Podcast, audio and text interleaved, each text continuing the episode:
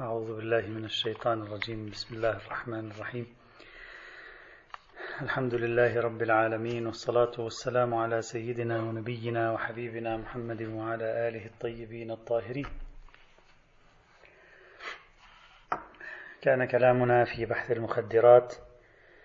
تكلمنا بالأمس عن تمهيد في هذا الموضوع ثم استعرضنا بعض أنواع المخدرات ونظرة عامة سريعة في أبرز ما يذكرونه من مضارها.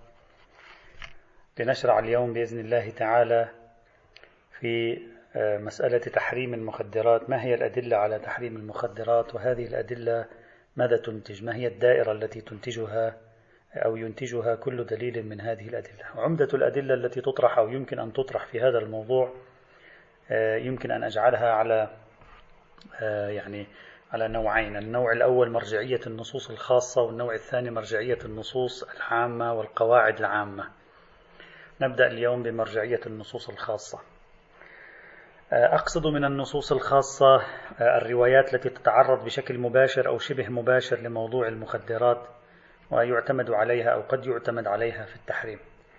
إذا أردنا أن نمنهجها ونصنفها فيمكننا أن نرجعها إلى مجموعتين من الروايات. المجموعة الأولى ما ورد بلسان تحريم البنج ما ورد بلسان تحريم البنج والمجموعة الثانية ما ورد بلسان تحريم كل مخدر ومفتر. أما المجموعة الأولى فعمدتها أربع روايات أساسية وهي الرواية الأولى ما ذكره المحدث النوري في المستدرك نقلا عن رسالة قبائح الخمر وهي رسالة من مؤلفات صدر الدين محمد بن غياث الدين منصور الدشتكي الشيرازي. على ما نقله السيد المعاصر في الروضات. هذا تعبير آه، النوري نفسه هكذا يقول على ما نقله السيد المعاصر في الروضات.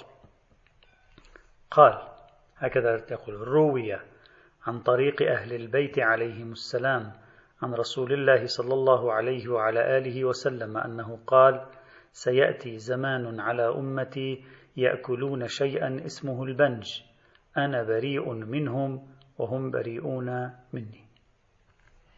رواية في براءة بين النبي وبين آكلي البنج الرواية الثانية. ما ورد أيضا في نفس المصدر بنفس الطريقة. يعني المحدث النوري نقلا عن رسائل قبائح رسالة قبائح الخمر لفلان على ما نقله فلان. أيضا عنه صلى الله عليه وعلى آله وسلم. قال سلموا على اليهود والنصارى ولا تسلموا على آكل البنج الرواية الخامسة. أيضا ما عفوا الخامسة الثالثة. أيضا ما ورد بنفس الطريقة. هذه الخامسة ربما حصل انتقال ذهني من كلمة بنج إلى الخامسة. باعتبار كلمة بنج في الفارسية تعني خمسة الرواية الثالثة. ما ورد أيضا بنفس الطريقة عنه صلى الله عليه وعلى آله وسلم. في نفس الكتاب بنفس السند. من احتقر ذنب البنج فقد كفر. الذي يحتقر هذا الذنب فهو كافر. الرواية الرابعة والأخيرة أيضا ما ورد بنفس الطريقة عنه صلى الله عليه وعلى آله وسلم. قال من أكل البنج فكأنما هدم الكعبة سبعين مرة وكأنما قتل سبعين ملكا مقربا وكأنما قتل سبعين نبيا وكأنما أحرق سبعين مصحفا وكأنما رمى إلى الله سبعين حجرا. وهو أبعد من رحمة الله من شارب الخمر وآكل الربا والزاني والنمام واضح أن هذه الروايات تضع تناول البنج في عداد المحرمات العظيمة خاصة الرواية الأخيرة. وهذا قد يقال كاف في تحريمها بضم الروايات إلى بعضها. هنا نقول أيضا نرفع الخصوصية عن البنج لا خصوصية في البنج. نثبت حرمة مطلق المواد المخدرة.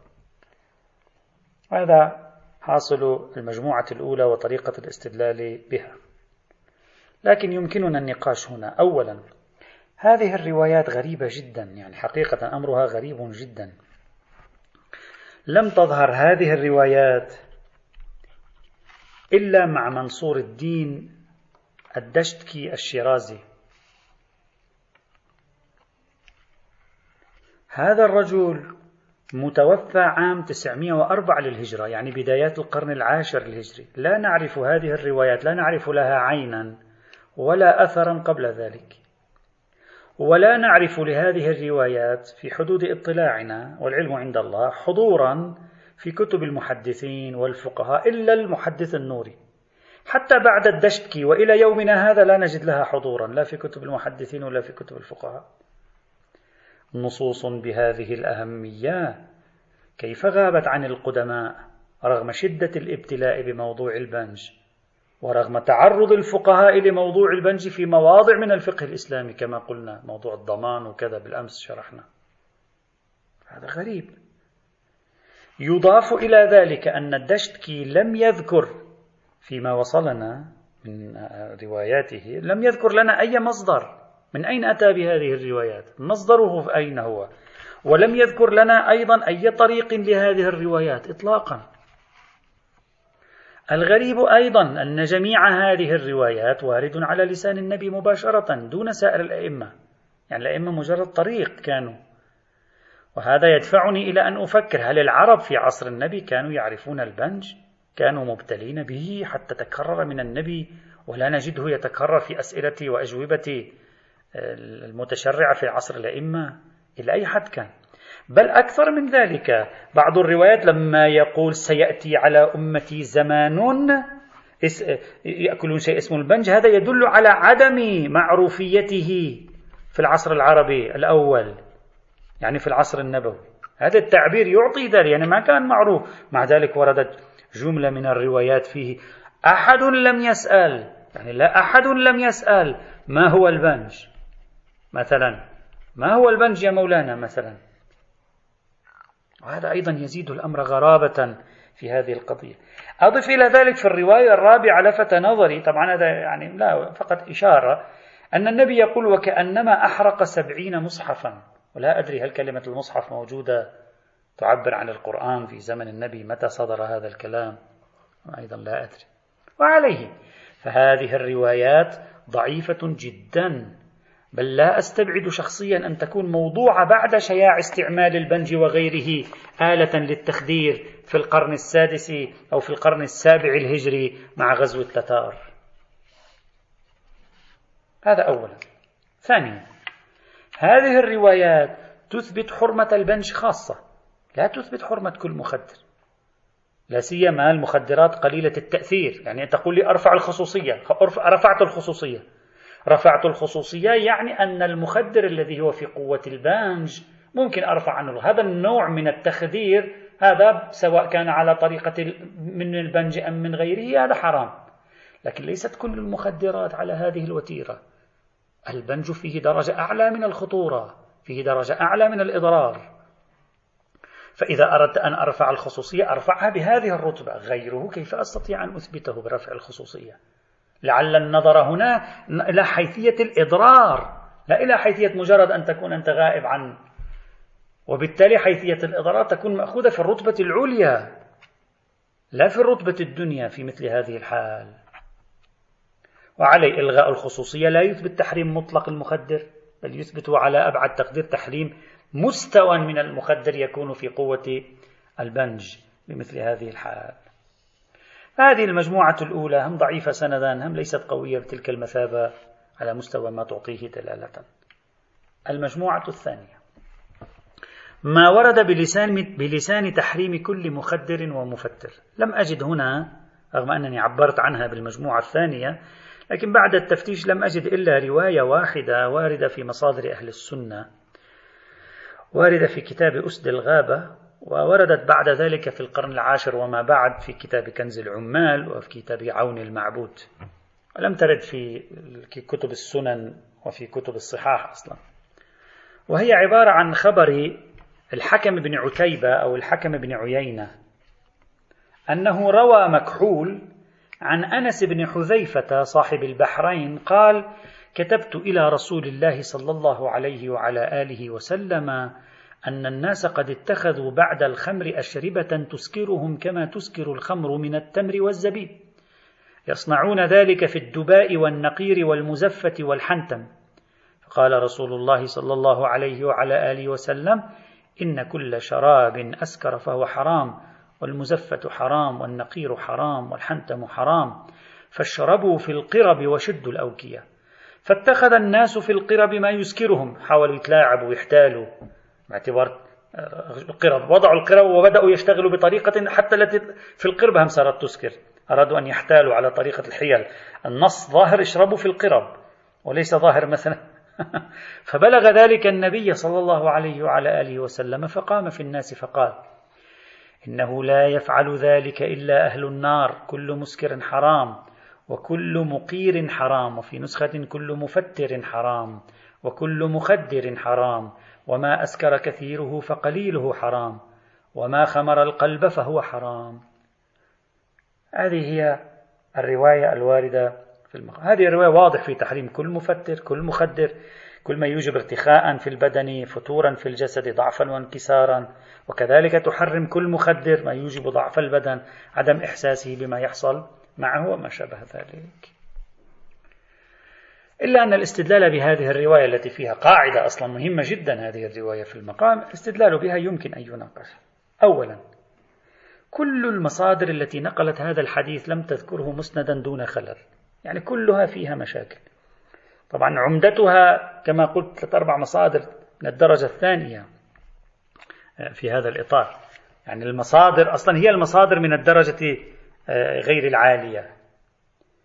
أولا نحن لا نعلم الطريق إلى الحكم ابن عتيبة أو ابن عيينة المتوفى 114 أو 115 كيف وصلت الرواية منه لا نعرف. لا ندري. الرواية واردة في أسد الغابة في 300 سنة تقريبا. 400 سنة بينه وبين الحكم. لا ندري. مكحول توفي بعد الحكم. يعني حوالي 112 إلى 118 توفي. فهو معاصر له. يعني عادة لا يروي الإنسان عن معاصر لكن ممكن هذا. أنس بن حذيفة لم يرد فيه تعديل أو توثيق فقط هو من الصحابة وهذا لا يوجب تعديلا أو توثيقا هنا. خاصة وأنه خامل الذكر في التاريخ يعني ليس من الصحابة المعروفين وهذا كله يشككنا في هذه القضية ولا نعلم تاريخ وفاته حتى نتأكد أن مكحول أو الحكم التقوا بأنس بن حذيفة أو لا. بل تكملة الحديث تشير إلى شيء من التدليس. تلاحظوا معي أن أنس بن حذيفة بعت رسالة للنبي النبي أجابه. الراوي بعد ذلك ماذا يقول؟ يقول فاتخذ الناس في القرب ما يسكرهم فبلغ ذلك النبي فقام في الناس. هذه فقام في الناس من الذي قالها؟ أنس بن حذيفة ما أنس بن حذيفة؟ أرسل رسالة ووصلته الرسالة. هو نفسه؟ أو هذه قصة ثانية أخذها؟ أخذت من شخص أخذها أنس من شخص نقلها له ولم يكن أنس في المدينة. خطبة النبي. تحتمل القضية أن هناك تدليسا ما وقع العلم عند الله. فالرواية من حيث الإسناد ضعيفة ووردت في مصادر متأخرة من الدرجة الثانية أو الثالثة فلا يعتمد عليها. هذا أولا. ثانيا. العظيم آبادي أحد علماء أهل السنة. أشار قال هذه الرواية فيها تنبيه مهم. وهو أن النبي بعد أن ذكر حرمة كل مسكر وكل مخدر عقب وقال ما أسكر كثيره فقليله حرام لكنه لم يقل ما خدر كثيره فقليله حرام. وهذا يعني أن تناول بعض المخدر القليل لا يحرم بخلاف تناول المسكر القليل فهو حرام. وهذه تغير المعادلة. لكن هذه المحاولة في تقدير غير واضح يعني أن كلمة المخدر الآن نسقطها على المواد التي نعرفها. نرجع إلى الجذر اللغوي لكلمة مخدر. أحتمل جدا أن كلمة مخدر التي أطلقها النبي لا ينظر فيها إلى شيء آخر غير المسكرات. الجذر المعنوي اللغوي لكلمة خدرة هو الستر. الجذر المعنوي واللغوي لكلمة خدرة يعني الستر ومنه سميت النساء بالمخدرات. فإذا المخدر يعني الساتر. كذلك الجذر اللغوي لكلمة خدرة تعني التحير. ولهذا سمي الليل مخدرا لأنه يمنع البصر يتحير الإنسان فيه لا يرى شيئا. أيضا الخدر من الشراب ما يضعف صاحبه. إذا الخدر تعني الظلمة الستر البطء التعب الاسترخاء كل هذه المعاني موجودة في المصادر اللغوية بإمكانكم مراجعة القواميس اللغوية في هذا الإطار كتاب العين الصحاح معجم مقاييس اللغة لسان العرب وغيره. إذا هذا معنى أن المسكر في الجذر اللغوي للكلمة هو مخدر. أصلا المسكر مخدر لأنه يستر العقل ويضعف صاحبه. فالحديث يريد أن يحرم كل مسكر واصفا إياه بالمفتر والمخدر. لا أنه يريد أن يحرم شيئا إضافيا غير المسكر اسمه المخدر ينفصل عن المسكر كما نحن اليوم نميز بين المسكر والمخدر. هو فقط يريد أن أن يستخدم كلمة المخدر كصفة للمسكر لأنه يخدر بالمعنى اللغوي لا بالمعنى الذي نحن نفهمه اليوم. يخدر بمعنى يعني يستر العقل يعني يضعف صاحبه لأن الخمر والمسكرات تستر عقل الناس تخامر عقل الناس تضعف صاحبها. يصبح أصلا لا يعرف ماذا يفعل آه، يتساقط ويقع ويتمايل يمينا وشمالا. فلا يعلم أن هذه الكلمة في الرواية أريد منها تحريم شيء إضافي. نعم ممكن واحد يقول لنا إطلاق كلمة المخدر نتمسك بها. لا بأس. لكن هذا لا يعني أن كلمة مخدر أريد منها هنا مفردة منفصلة حتى نقول الخمر قال ما أسكر كثيره قليله حرام المخدر لم يقل ذلك. لعله ناظر إلى أمر واحد وهو عبارة عن المسكر. كصفة ليس كاسم. يعني كصفة لا كاسم استعمل المخدر هنا طيب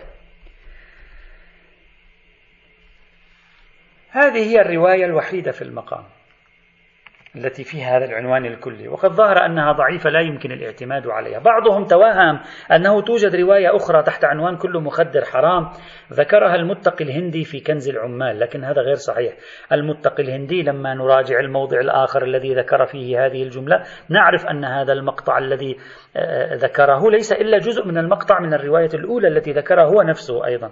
وبإمكانكم مراجعة كتاب كنز العمال للمتقي الهندي الجزء الخامس صفحة 368 وأيضا صفحة 524 لنعرف أن الروايتين اللتين نقلهما ليست واحدة منهما إلا جزء من الرواية الثانية. فلا توجد روايتان في المقام وإنما هي رواية واحدة. إذا هذه هي المجموعات الخاصة. قد تبين أنه ليس عندنا روايات حجة على مسلك حجية خبر الثقة ولا على مسلك حجية الخبر الموثوق الاطمئناني. بل الآن ضعوا عنوان. نصوص ترخيصية في المخدرات. أو نصوص شبه ترخيصية في المخدرات. توجد بعض الروايات ضعيفة الإسناد تصف بعض الأدوية التي يوضع البنج فيها من قبل أئمة أهل البيت أنفسهم وتستعمل للعلاج. لا ممكن يكون هذا العلاج للضرورة وممكن مطلقا. أهم هذه الروايات سأذكر فقط روايتين هما العمدة أصلا. الرواية الأولى خبر أحمد بن بشارة. قال حججت فأتيت المدينة فدخلت مسجد الرسول فإذا أبو إبراهيم جالس في جنب المنبر فدنوت فقبلت رأسه ويديه. وسلمت عليه فرد علي السلام وقال كيف أنت من علتك قلت شاكيا بعد وكان بي السل مريض بمرض السل. فقال خذ هذا الدواء بالمدينة قبل أن تخرج إلى مكة فإنك تعافى فيها. يعني تتعافى فيها. وقد عوفيت بإذن الله. فأخرجت الدواة والكاغذ وأملى علينا. ماذا قال؟ يؤخذ سنبل وقاقلة وزعفران وعاقر قرحا وبنج. لاحظوا هنا بنج. البنج يعني. وخربق أبيض أجزاء بالسوية وأبرفيون جزئين. ويدق وينخل بحريرة. ويعجن أو يعجل بعسل منزوع الرغوة. ويسعى صاحب السل منه مثل الحمص بماء مسخن عند النوم. وإنك لا تشرب ذلك إلا ثلاث ليال حتى تعافى منه بإذن الله تعالى. ففعلت فدفع الله عني فعوفيت بإذن الله تعالى. هذه الرواية الأولى التي يريدها صاحب طب الأئمة أو صاحبا طب الأئمة. الرواية الثانية خبر محمد بن عبد السلام. قال دخلت مع جماعة من أهل خراسان على الرضا. فسلمنا عليه فرد وسأل كل واحد منا حاجته فقضاها ثم نظر إلي فقال لي وأنت تسأل حاجتك؟ فقلت يا ابن رسول الله أشكو إليك السعال الشديد فقال أحديث أم عتيق؟ فقلت كلاهما. قال خذ فلفل الأبيض جزءا وأبرفيون جزءا وخربق أبيض جزءا واحدا ومن السنبل جزءا ومن القاقلة جزءا واحدا ومن الزعفران جزءا ومن البنج جزءا. شوف لاحظ البنج. وتنخل بحريرة وتعجن بعسل منزوع الرغوة مثل وزنه وتتخذ للسعال العتيق والحديث من وتتخذ للسعال العتيق والحديث منه حبة واحدة بماء الرازيانج عند المنام. وليكن الماء فاترا لا باردا فإنه يقلعه من أصله. أيضا الرواية في نفس المصدر. لكن هاتين الروايتين لا يمكن الاستناد إليهما. أولا ضعيفتان من حيث المصدر والإسناد. كلتاهما مصدرهما الوحيد أو مصدره الوحيد هو كتاب طب الأئمة لابني بسطام النيسابوريين وأصل الكتاب ومؤلفا الكتاب لم يثبت. كما أشرنا إلى ذلك مرارا سابقا. بل أيضا الرواية الأولى فيها أحمد بن بشارة وهو مهمل. وفي الرواية الثانية يوجد أحمد بن صالح وهو مردد بين أحمد بن صالح النسابوري وأحمد بن صالح التميمي وأحمد بن صالح الهمداني. والثلاثة لم يثبت لهم توثيق أصلا. وفي السند أيضا محمد بن عبد السلام وهو أيضا لم يثبت له توثيق. فالأسانيد ضعيفة جدا. هذا أولا ثانيا هذه الروايات تتكلم عن علاج حالات مرضية حادة مثل السل والسعال الشديد. قلنا سابقا لم يدل دليل معتبر على حرمة التداوي بالمحرم في حالات الاضطرار العرفي شرط انحصار العلاج به ولعله هنا المورد منحصر لا ندري. فتكون هذه الوصفة الطبية علاجا لحالة استثنائية وبالتالي لا نستطيع بمثل هاتين الروايتين أن نثبت حلية البنج مطلقا فضلا عن إثبات حلية جميع المخدرات. فإذا لا الروايات الخاصة في تحريم المخدرات والبنج بالتي يمكن الاعتماد عليها لا الروايات الخاصة في تحليله بالتي يمكن الاعتماد عليها لكن توجد رواية هنا قد يفهم منها الترخيص في المخدر من دون حالة علاج. وهي رواية إذا تذكرون تقدمت معنا في بحث الفقاع في خبر وهي خبر إسحاق بن يعقوب. نفس الرواية خبر ابن إسحاق يعقوب اللي هو التوقيع الشريف الذي هو من أحد أدلة نظرية ولاية الفقيه. إذا تذكرون مرت معنا هذه الرواية. قال سألت محمد بن عثمان العمري رضي الله عنه أن يوصل لي كتابا. قد سألت فيه عن مسائل أشكلت علي فورد التوقيع أو في نسخة فورد في التوقيع بخط مولانا صاحب الزمان عليه السلام أما ما سألت. وفي نسخة أما سألت عنه أرشدك الله إلى أن يقول أما الفقاع فشربه حرام ولا بأس بالشلماب. هذه الرواية وردت في كتاب كمال الدين وتمام النعمة. ووردت في كتاب الاحتجاج ووردت في كتاب الخرائج والجرائح ووردت في كتاب الغيبة للشيخ الطوسي. هنا قد يدعى أن الشلماب الذي رخصت فيه هذه الرواية وهي من الروايات المشهورة صارت بين المتأخرين كثيرا الشلماب أصلا هو نوع من المخدر يعني حرم عليه الفقاع وأجاز له المخدر. العلامة الشعراني رحمة الله تعالى عليه في هامشه على كتاب تفصيل وسائل الشيعة في طبعة دار الإسلام الطبعة الإسلامية وليس طبعة آل البيت تتكلم طبعة الإسلامية في الجزء السابع عشر صفحة 291 في الهامش هكذا قال الشعراني هكذا قال قال في البحار عن الغيبة الشلماب بالشين المعجمة والباء وقال كأنه ماء الشلجم. شلغم يعني بالفارسية.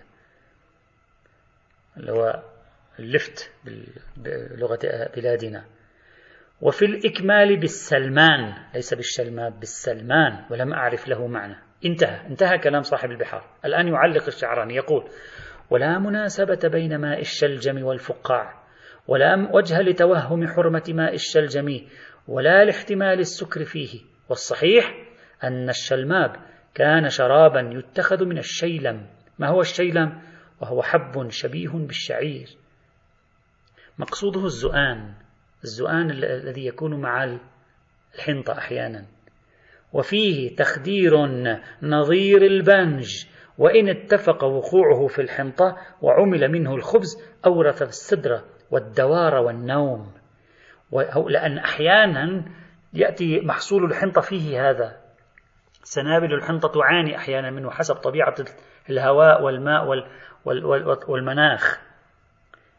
ويكثر نباته في مزارع الحنطة ويتوهم حرمته لمكان التخدير واشتباه التخدير بالإسكار عند العوام. يعني لاحظ الشعراني يقول أن المخدر تشتبه العوام فيه تظن أن المخدر مسكر لكنه ليس بمسكر. والمحرم هو الكحول وما فيه الكحول وليس في المخدرات كالأفيون والشاهدانج والشاهدانج والبنج والشيلم شيء من الكحول ولا يحرم منه إلا ما أزال العقل بالفعل. لا ما أوجب تخديرا في الجملة كالمسكرات. واضح أن علامة الشعراني يقول المخدرات ليست حرام. إذا زال العقل ببعضها لا بأس تكون حرام لأنها تصبح ملحقة بالمسكر. لا غير.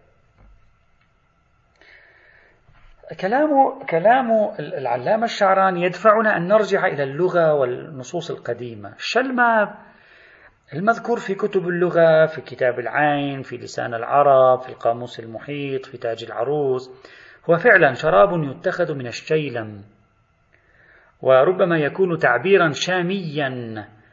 الشيلم الشيلم ربما يكون تعبير شامي عن الزؤان الذي يكون في البر هذا الذي أحيانا يكون أسود أو شيء من هذا القبيل. وأيضا يسمى الشيلم في العربية السعيعة السعيع. شيلم إذا أضفت إليها كلمة آب الفارسية تصبح شلماب يعني ماء الشيلم. ماء الشلم أو ماء الشيلم. فيصبح المعنى منطقي. يصبح المعنى منطقي الذي استنتجه آه، العلامة الشعراني. مثلا لاحظوا ابن منظور في بعض مواضع من كتاب لسان العرب ماذا يقول؟ يقول شلم. الشالم مثلا والشيلم الأخيرة عن كراع الزؤان الذي يكون في البر سوادية لونها يقرب إلى السواد. ابن الأعرابي يعني ينقل عن ابن الأعرابي أنه يقول الشيلم والزؤان والسعيع. وقال أبو حنيفة الشيلم حب صغار مستطيل أحمر قائم كأنه في خلقة سوس الحنطة ولا يسكر ولكنه يمر الطعام إمرارا شديدا يعني يسهل الهضم. وقال مرة نبات الشيلم سطاح وهو يذهب على الأرض وورقته كورقة الخلاف البلخي شديدة الخضرة رطبة. إلى آخر الكلام. هذا الكلام موجود في لسان العرب وأيضا تجده في كتاب تاج العروس. مثلا إذا لاحظنا كتاب الأغذية والأدوية للإسرائيلي ماذا يقول؟ يقول الشيلم وهو الزوان. الشيلم هو قمح مضروب ينبت بين القمح في السنين الجدبة الفاسدة الهواء القليلة المطر. ولذلك صارت له قوة حارة سمية تقرب من الأدوية الحادة الحريفة. ولذلك صار يهوس ويسكر. يهوس. خليه هلوسة يخدر. ويفعل فعل أصل السوس إلى آخر كلامه في كتاب الأغذية والأدوية في صفحة 214 إذا هذه الرواية مهمة. هذه الرواية بناء على هذه المقاربة اللغوية تعني أن الشيلم فيه ضرب من التخدير من الهلوسة الدوار. وهذا معناه أن الرواية الصريحة لا بأس بالشلمام. في مقابل تحريم أقل أنواع المسكرات وهو الفقاع الرواية تكون مهمة في المقام حينئذ. دليل على حلية المخدرات. مثلا ربما لم يلتفت كثيرون إلى إلى إلى ظهور إلى مثل هذه الرواية في المقام.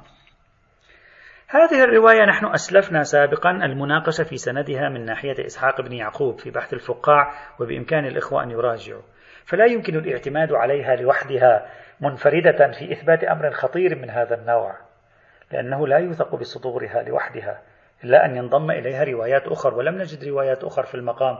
يمكن أن تساعد. وروايات العلاج بالبنج لا تنفع كما قلنا حتى على المستوى الدلالي آه، في المقام. بل أكثر من ذلك نحن لا نعرف درجة التخدير الموجودة في الشلماب. إذا ثبت أنه مخدر لا نعرف درجة التخدير لعلها درجة خفيفة منه. وبالتالي لا هو بالذي يصل إلى حد السكر ولا هو بالذي يصل إلى حد التخدير الشديد. فإذا أريد الاستفادة من هذه الرواية يمكنها أن تثبت مثلا تساوي حلية المخدرات الخفيفة جدا مثلا وليس المخدرات القوية مثلا أو المتوسطة القوة. والنتيجة إذا على مستوى الأدلة الخاصة لم يقم عندنا دليل خاص مقنع موثوق به صدورا ودلالة أو صدورا أو دلالة ما عندنا. على تحريم عنوان المخدر ولا على تحليله أيضا بعنوانه. وبالتالي يجب علينا كي نبحث موضوع المخدر أن نذهب نحو المقتضيات القواعد العامة المرجعيات العامة المؤشرات التشريعية العامة النصوص الكلية العامة لنرى هل تعطينا شيء في موضوع المخدر أو لا. ما عندنا شيء مباشر. ما عندنا آيات قرآنية مباشرة ما عندنا روايات مباشرة في هذا الموضوع بعنوان المخدر. فينبغي أن نبحث عن بعض يعني القواعد العامة عن بعض الكليات العامة في الشرع لنرى هل يندرج المخدر ضمنها أو لا. طبعا ستقول لي المخدر مسكر سيأتي بحثه إن شاء الله تعالى المخدر مسكر أو لا. إذا على المستوى المرحلة الأولى من بحث المخدر وأدلة تحريمه النصوص الخاصة لا دليل خاص على التحليل لا دليل خاص على التحريم. قاصرة الأدلة إنصافا. وقليلة جدا من حيث العدد وفيها مناقشات إسنادية. وإذا أردنا أن نمشي معها لعل خبر إسحاق بن يعقوب أقوى من الأخبار الأربعة التي حللت التي حرمت البنج ومن الرواية الخامسة التي حرمت كل مخدر. لعله من حيث الإسناد أقوى مثلا. بحسب مصادره وبحسب مستويات جهة الضعف فيه. فإذا ينبغي أن ننتقل إلى مرجعية النصوص والأدلة العامة أو مرجعية القواعد العامة والمؤشرات التشريعية الكلية. تبين لنا حتى الآن عدم وجود أدلة خاصة تحرم المخدرات أو تحللها بعنوانها لكن توجد عندنا أطر عامة ينبغي أن نرصدها. قبل أن أبدأ هناك بعض من كتب في المخدرات سنة وشيعة جاءوا بأوجه في غاية الضعف متكلفة بائسة أصلا لا ينبغي أن تقحم في البحث الفقهي هذه كلها سأتركها. أضف إلى ذلك لا قيمة لا أبحث في الإجماع والشهرة هنا. لا الإجماع معلوم تحققه لا الشهرة معلوم تحققه. على التحريم على التحليل أصلا ما معلوم شيء في المقام. كبرويا هم أيضا لا يمكن التحريم فلذلك مباشرة نذهب إلى القواعد والمعايير الكلية الأقوى في المقام. حتى لا نضيع الوقت ونطيل في وجوه ومحاولات ضعيفة ركيكة ربما بعضهم يحاول أن ينتصر إليها. ما هي القواعد أو المرجعيات العامة التي يمكن الركون إليها هنا؟ أولا الدليل الأول التحريم بقاعدة الضرر. يستند بعض هنا إلى قاعدة حرمة الإضرار بالنفس وبالآخرين في تحريم تعاطي المخدرات وكذلك في تحريم الاتجار بها. فقد أثبتت البحوث والدراسات العلمية حجم الأضرار الضخمة والهائلة التي تلحق الإنسان من جراء تعاطي المخدرات على المستوى الجسدي وعلى المستوى النفسي حتى أنها تتركه جثة هامدة معطلة لا قدرة لها على العمل والحركة. ولهذا تجدهم مثلا يدرجونه في السموم. بعض الفقهاء لا, لا أين سابقا؟ يدرجونه في السموم والسم ليس حراما إلا من باب الضرر. يظهر من بعض الفقهاء المتأخرين كثير من الفقهاء المتأخرين أصلا لعلني أقول شيعيا أكثر الفقهاء المتأخرين يظهر منهم تبني هذه المرجعية في تحريم المخدرات يعني معيارهم في التحريم هو مرجعية الضرر. وذلك بمراجعة كلماتهم. يظهر لنا أنهم استخدموا طريقتين في تطبيق قاعدة الضرر على المخدرات. الطريقة الأولى وسأسميها طريقة التطبيق الفردي حيث ذكروا أن الأفيون ونحو الأفيون محرم إذا لزم منه الضرر المعتد به. طيب هذا الضرر من أين يأتي؟ قالوا سواء نتج هذا الضرر عن زيادة نسبة الجرعة المأخوذة أنت تأخذ جرعة كثيرة فتحدث ضررا قد تميتك. أو نتج الضرر عن الإدمان والمواظبة على أخذ كميات قليلة. هذا أيضا يلحق ضررا في المستقبل. في الحالتين لما كان الفرد يلحق يعني يلحقه ضرر معتد به كان محرما. هذا تطبيق تستطيعون أن تراجعوه في كثير من كلمات العلماء مثلا سيد الحكيم في منهاج الصالحين الإصفهاني في وسيلة النجاة سيد الخوئي في منهاج الصالحين سيد سبزواري في جامع الأحكام الشرعية سيد قلويكاني في هداية العباد ميرزا التبريزي في منهاج الصالحين السيد الأردبيلي في فقه الحدود والتعزيرات سيد محمد سعيد الحكيم في منهاج الصالحين الشيخ الوحيد الخراساني في منهاج الصالحين الشيخ الفياض في منهاج الصالحين والسيد السيستاني أيضا في المنهاج وغيرهم أيضا. هذه الطريقة الأولى. الطريقة الثانية. وأسميها طريقة التطبيق المجتمعي. يعني نحن الآن لا ننظر إلى الفرد بوصفه الفردي إنما نلاحظ الضرر الذي يلحق الإنسان الكبير. يلحق المجتمع الذي هو الإنسان الكبير وليس الإنسان الصغير. المجتمع تلحقه أضرار عميقة على المستوى الأخلاقي الاجتماعي الأسري الاقتصادي بل حتى على المستوى الأمني أيضا. فبتطبيق قاعدة حرمة الإضرار على المجتمع نجد أن الحكم هو التحريم. فنقول لا يجوز إلحاق الإضرار بالمجتمع تجويز المخدرات على نفسك أو الاتجار بها هذا إضرار بالمجتمع إذا حرام. هذه الطريقة لاحظت أن السيد علي الخامنئي في أجوبة الاستفتاءات ولاحظت أيضا أن السيد عبد الكريم الموسوي الأردبيلي في كتابه فقه الحدود والتعزيرات يستخدمان هذه الطريقة. هذا القاعدة الأولى التي يمكن أن تنفع في المقام. التحريم بملاك الضرر سواء بملاك الضرر الفردي أم بملاك الضرر المجتمعي. هذه هذا الدليل جيد مثبت للحرمة في الجملة لا نقاش في ذلك يثبت الحرمة في الجملة. إلا أنه لا بد لنا من مزيد تأمل هنا وتعميق. وذلك أولا مقتضى هذا الدليل كما يلوح من عبارات بعضهم حتى في فتاويهم أنه المخدر بالعنوان الأولي ليس حراما. هذا مقتضاه. ومن ثم لا يحرم إلا في حال إيجابه الضرر البليغ أو الضرر المعتد به على الإنسان. نحن في الفصل الأول في الفقه القرآني بحثنا قاعدة الإضرار بالنفس. معنى ذلك أنه ليس كل المواد المخدرة محرمة. مثلا الحشيشة القات الماريجوانا إذا كانت من المواد التي لا توجب بطبعها الإدمان على خلاف الكوكايين تعاطي مقدار بسيط منها لن يكون محرما. لأن هم هي الكمية بسيطة هم لا تحدث إدمانا. فإذا ما الموجب للتحريم؟ لا يوجد تحريم. لأن لا يوجد هنا زيادة جرعة لأن نتكلم عن مقدار بسيط. ولا توجب لا يوجب إدمانها موتا أو ضررا. عفوا آه، ولا توجب هي إدمانا مميتا أو مضرا. إذا علينا هنا أن نحلل أكثر داخل المخدرات لأنها على أنواع كما قلنا. فنقول المواد المخدرة التي تحوي صفة إيجابها الإدمان. لو تعاطاها الفرد بكميات كبيرة أو قليلة تحرم. أما المواد المخدرة التي لا تحوي صفة الإدمان يعني لا توجب الإدمان. هذه لو تعاطاها الفرد بكميات معقولة لا ينبغي أن يكون هناك دليل على تحريمها. ولهذا لعله لهذا الإشكال الذي نقوله الآن لعله لهذا السيد السيستاني هناك ماذا قال؟ قال يحرم المخدرات إذا لزم منه الضرر بل مطلقا على الأحوط لزوما. شوف لاحظوا يعني جعل هناك مرتبة احتياطية خارج إطار الضرر وهذا معناه أنه يدرك أن قاعدة الضرر لا تثبت حرمة المخدرات مطلقا. فنحتاج الاحتياط وجوبي يوسع الدائرة لمطلق المخدرات. إذا أول إشكال هنا أن هذا الدليل لا يثبت مطلق المخدرات. هذا أو خاصة الآن في التطبيق الفردي له. ثانيا لو أمكن نتيجة تطور الطب وعلوم الصيدلة والعقاقير أنه مثلا إنسان يتناول عقاقير رافعة لأضرار المخدر أو لإدمانه. حينئذ ينبغي أن لا نفتي بحرمته. لا يوجد أضرار حينئذ. ثالثا نأتي للطريقة المجتمعية في تطبيق عنوان الضرر. هذه الطريقة هي خطوة مهمة جدا في سياق الفهم الفقهي. يعني هذه خطوة إضافية. هذا فهم جميل لكيفية تناول القضايا فقهيا.